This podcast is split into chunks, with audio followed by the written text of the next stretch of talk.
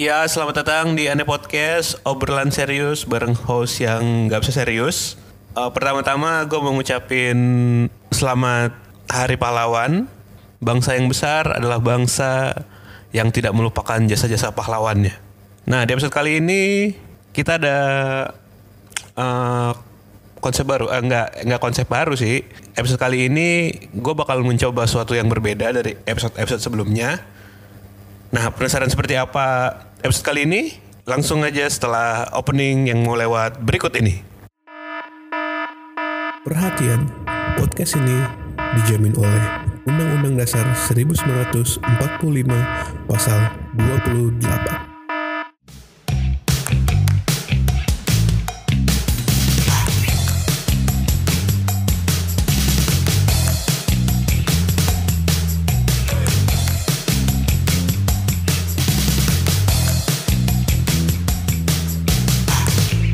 Kembali lagi di Anime Podcast. Eh, kali ini agak berbeda dari episode sebelumnya. Kali ini gua lebih banyak solo. Pertama-tama gua Esra dan segenap kru Anime Podcast mengucapkan turut berbela sungkawa atas insiden jatuhnya pesawat Lion Air PKLKP JT610 beberapa waktu yang lalu. Kami sempat eh, me- membahas ini di sesi rekaman beberapa waktu yang lalu. Berikut adalah pembahasan kami. Menurut lo penyebabnya apa itu? Itu sih awalnya bilangnya juga pilotnya udah bilang mau balik lagi. Ada kendala kan? Ada kendala mau balik lagi ke bandara. Cuman karena apa terus putus lost kontak. Kira gitu udah. Waduh. Nahas. Tapi meledak sih itu kira-kira di atas? Apa meledaknya di di laut?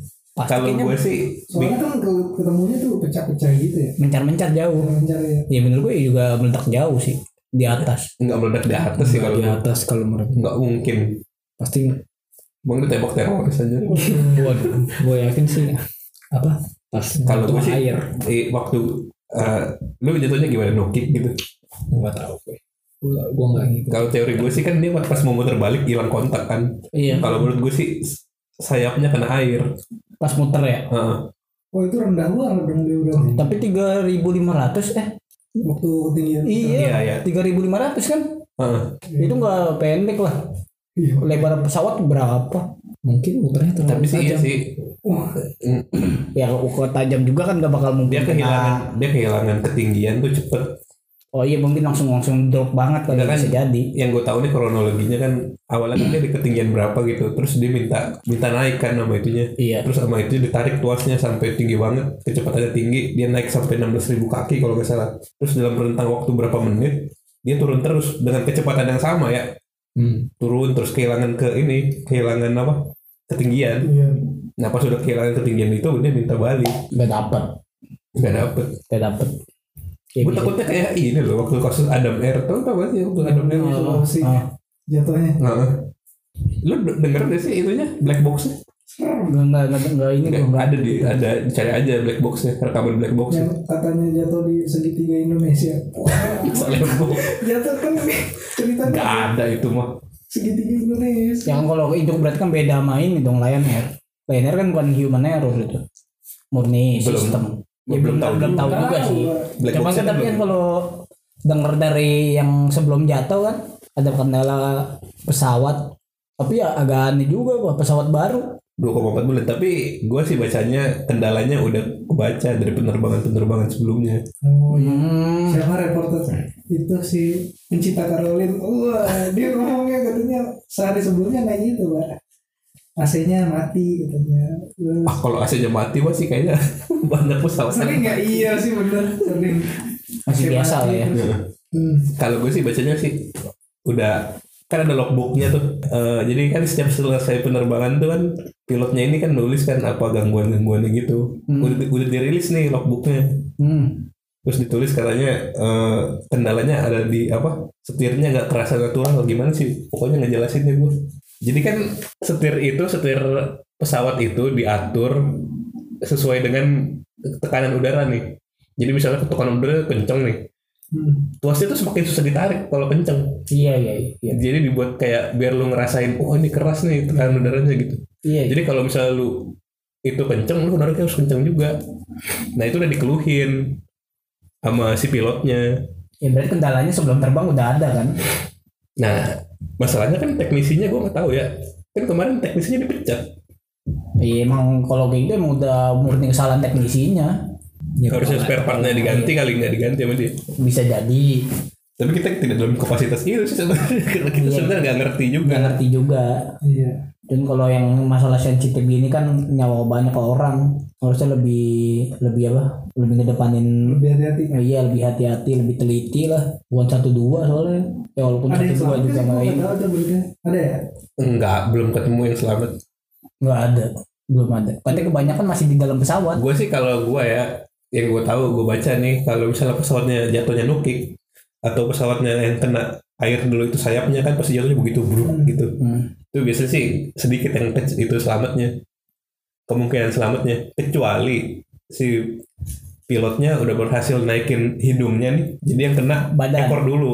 Oh iya iya. Kan dia begitu sih begitu. Pokoknya jatuhnya lebih stabil lah ya dari kalau sayap doang. Kalau nggak kalau dia bisa mendarat darurat di air, ya lebih bagus lagi. Ya pasti. Kan sistem keamanan juga udah dibuat canggih. Kira bakal ada yang ngomong ada hubungannya sama Ada. alien. Oh, Alien kalau alien kejauhan sih mungkin. Enggak Kalau kalau yang alien. ngomongin nyangkut paut Kalau- sama.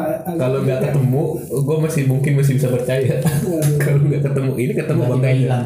Kayak itu apa? Oh yang kemarin apa? Yang MH kemarin? 370 Iya. Gitu ya. Ketemu kan tapi kan Ketemu kan? enggak Oh, Nggak ketemu. Ada yang ngomong katanya ketemunya di pangkalan militer militer Amerika kok di hubungan ini ya.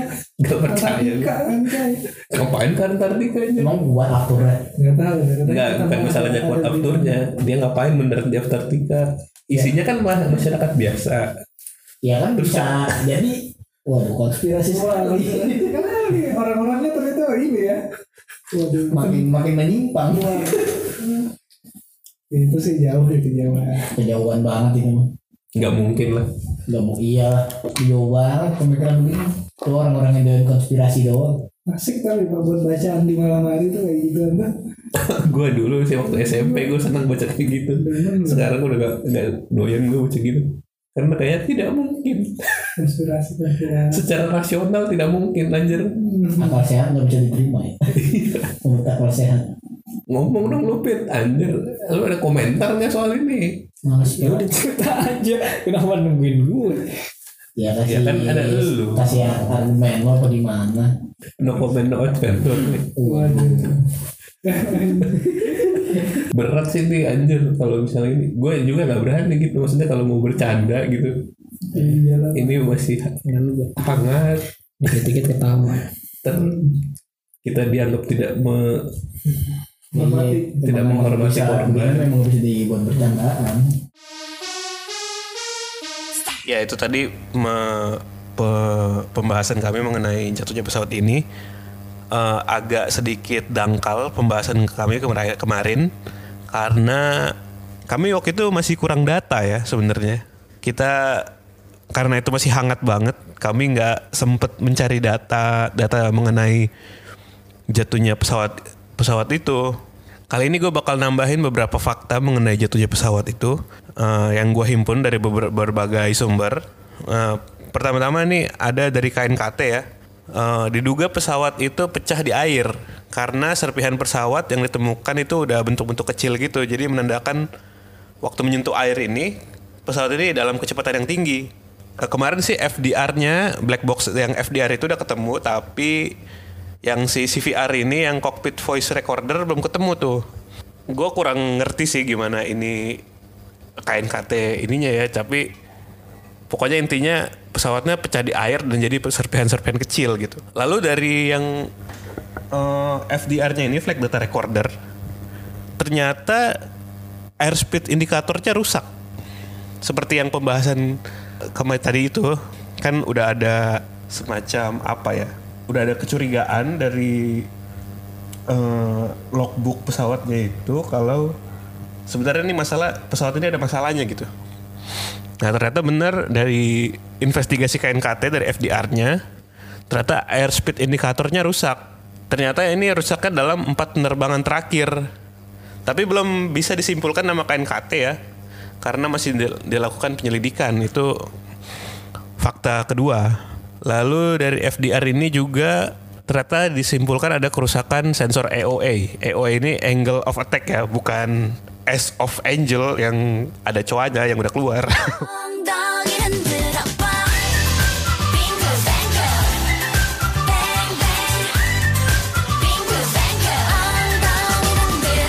AOA ini angle of attack yaitu pengukur sudut pesawat terhadap aliran udara. Nah, ternyata sensor AOA ini menunjukkan perbedaan pada saat penerbangan sebelumnya yaitu dari Bali ke Jakarta. Dalam penerbangan itu pesawat AOA pesawatnya sebelah kiri berbeda 20 derajat dengan sebelah kanan. Nah, pilot melakukan prosedur uh, untuk mengatasi masalah tersebut pada penerbangan yang Bali itu ya dan akhirnya mendarat di Jakarta dengan selamat. Nah, menurut Suryanto, Suryanto ini adalah uh, ketua KNKT.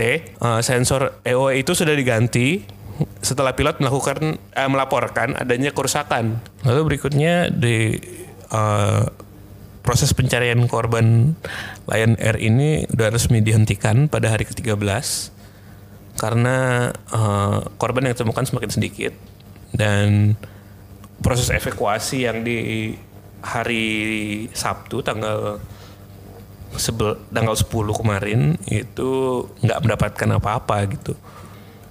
Tapi eh, meskipun proses evakuasi ini dihentikan, tapi tim SAR eh, masih bersiaga kalau ada temu informasi temuan bagian tubuh korban gitu.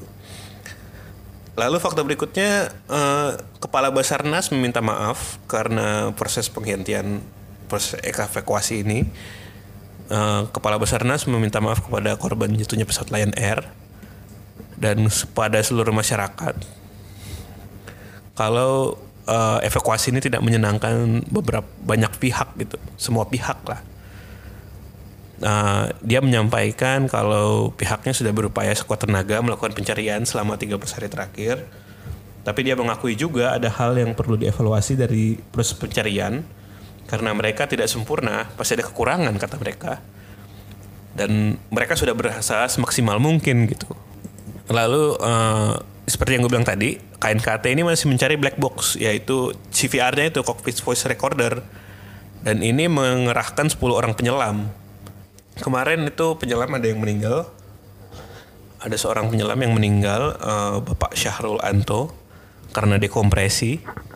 Kita juga berbelasungkawa ya atas meninggalnya Bapak Syahrul Anto ini.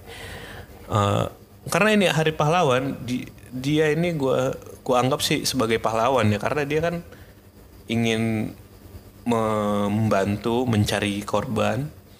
Dia ini mempu hati mulia. Lalu ada yang bilang, ah ngapain sih? Maksudnya eh, lu tuh mati konyol gitu. Maksudnya lu cari korban, akhirnya lu malah jadi korban. Menurut gua nggak gitu. Lu tuh, maksudnya dia itu sudah berhati mulia. Kalau menurut gue sih ini dia ibaratnya dia mati syahid karena dia mengerahkan seluruh jiwa raganya untuk membantu orang lain gitu loh. Dia ini penyelam dengan jam terbang tinggi loh. Dia ini cukup militan gitu. Gue yang memberikan apresiasi tinggi kepada Bapak Syahrul Anto ini. Dia gugur sebagai pahlawan kemanusiaan. Nah kembali lagi ke proses pencarian CVR itu. Jadi pencarian CVR ini udah eh, tadi kan 10 penyelam, lalu juga ada dua ping locator dari Amerika Serikat eh, untuk men- mencari menemukan sinyal black box CVR ini. Tapi gue juga mendapatkan eh, kalau CVR ini eh, ditakutkan itu tenggelam di dalam lumpur lumpur-lumpur dan pasir-pasir yang ada di dalam di dalam laut. Jadi pingnya itu ibaratnya nggak terdeteksi lah. Tapi gue harap sih dengan dua alat yang canggih ini katanya uh, ping locator ini uh, ping locator ini lagi CVR ini dapat ditemukan. Lalu eh, fakta berikutnya ada sebanyak sem- 196 kantong jenazah yang telah diserahkan Basarnas ke Polri untuk diidentifikasi dan sebanyak 79 jenazah telah berhasil dikenali yaitu rinciannya 59 laki-laki dan 20 perempuan. Ya itu sih fakta-fakta yang berhasil gue kumpulin. Kalau masih ada kurang atau ada yang lewat kami terbuka atas koreksi Eh, karena ini kan isu sensitif ya kami juga merasa kalau misalnya kami membuat jokes di di apa di sesi rekaman sebelumnya kami minta maaf mungkin kami eh, tidak apa sensitif pada isu ini tapi kami juga eh, merasa tergerak gitu untuk address isu ini gitu kalau ada pendengar atau keluarga yang merasa ah ini nggak bener nih kami terbuka atas eh, koreksi-koreksi itu kalian bisa hubungi kami kalau misalnya ada yang kelewatan atau ada yang belum sesuai faktanya di lapangan eh, bisa dihubungin di Twitter atau Instagram kami. Ya Eh, itu sih untuk segmen, pertama ini. Uh, lanjut di segmen kedua.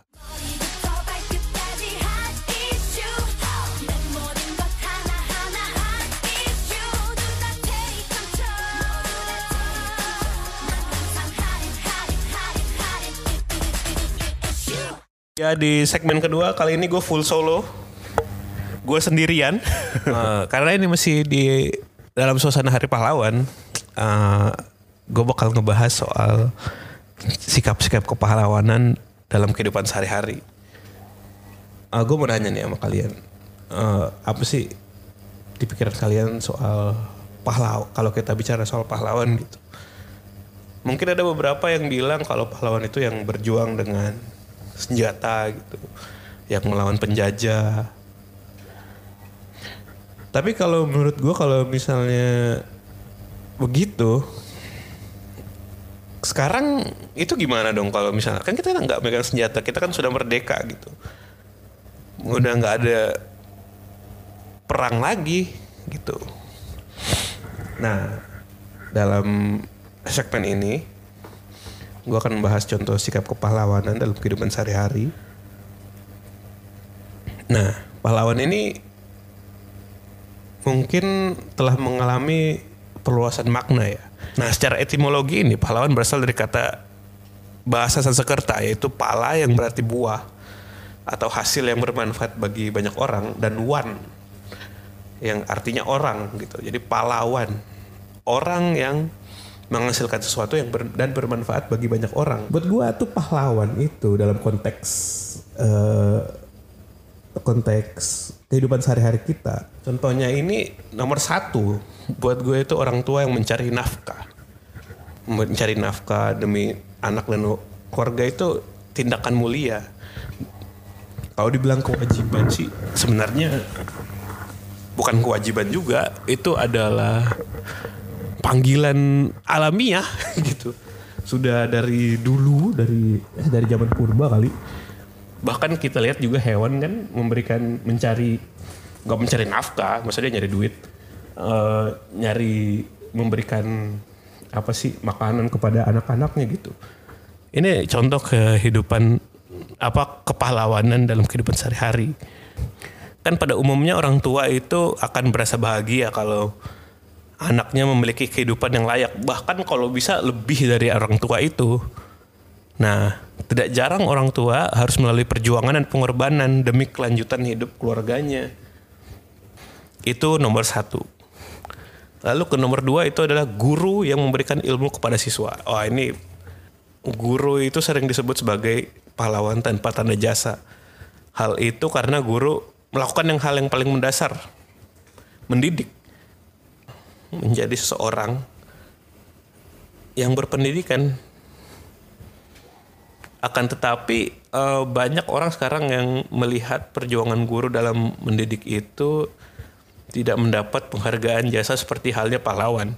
Malah gue sendiri ini kan kuliah pendidikan dan gue lihat sih memang eh, profesi ini walaupun orang banyak mengagungkan wah guru tanpa tanda tanpa tanda jasa apa pahlawan tanpa tanda jasa tapi gue belum melihat adanya apresiasi dari masyarakat selain uh, mereka yang mengagung-agungkan guru lah me, oh ini guru harus begini nih. Tapi belum ada bukti nyata apresiasi dari masyarakat kalau guru itu benar mendidik negara. Lalu malah banyak orang yang bilang ah guru zaman sekarang apa sih kerjanya cuman ini doang. Ya itu beberapa oknum beberapa oknum guru.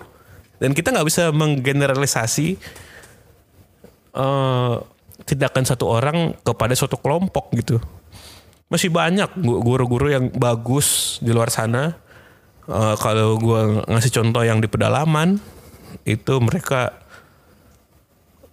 mereka punya determinasi yang tinggi ya. Bahkan ada yang dikasih eh, hasil bumi lah palawija lah.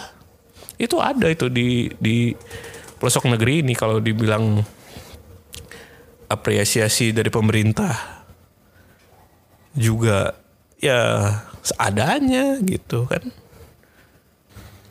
lalu sikap kepahlawanan yang nomor tiga itu adalah siswa belajar untuk meraih cita-cita dan memajukan pendidikan nasional. Nah, meskipun siswa ini adalah warga negara yang masih dalam tahap belajar, bukan berarti siswa tidak bisa menunjukkan sikap kepahlawanan. Contoh sikap kepahlawanan sehari-hari ya dengan pantang menyerah, eh, belajar untuk meraih cita-cita. Seperti yang kita tahu, siswa ini adalah generasi muda yang dise- disebut sebagai tunas bangsa. Perjuangan siswa ini adalah untuk belajar sungguh-sungguh demi demi memajukan kehidupan bangsanya. Gue ngomong ini juga menohok gue sendiri gitu. Maksudnya gue masih sering mengeluh soal pelajaran. Pokoknya jangan dicontoh lah gue. Iya, nah berikutnya di nomor 4 itu adalah memberikan donor darah. Ini contoh kepahlawanan sehari-hari yang orang tuh banyak sepelein gitu. Lu nggak tahu kan kalau misalnya PMI kita ini kekurangan darah. So, kekurangan kantong darah terutama kalau nggak salah itu golongan darah apa gitu. Lupa gue. Mereka tuh kekurangan. Nah, donor darah ini adalah tanda kepahlawanan lu dalam konteks kemanusiaan. Karena donor darah ini dapat menyelamatkan banyak orang yang membutuhkan gitu. Nah, karena itu seseorang yang telah mendapatkan dengan rela mendonorkan darahnya tanpa diminta atau dipaksa telah menunjukkan sikap kepahlawanan dalam kehidupan sehari-hari. Sikap kepahlawanan berikutnya ini orang pasti masih kayaknya "Eh, ini sepele banget nih gitu.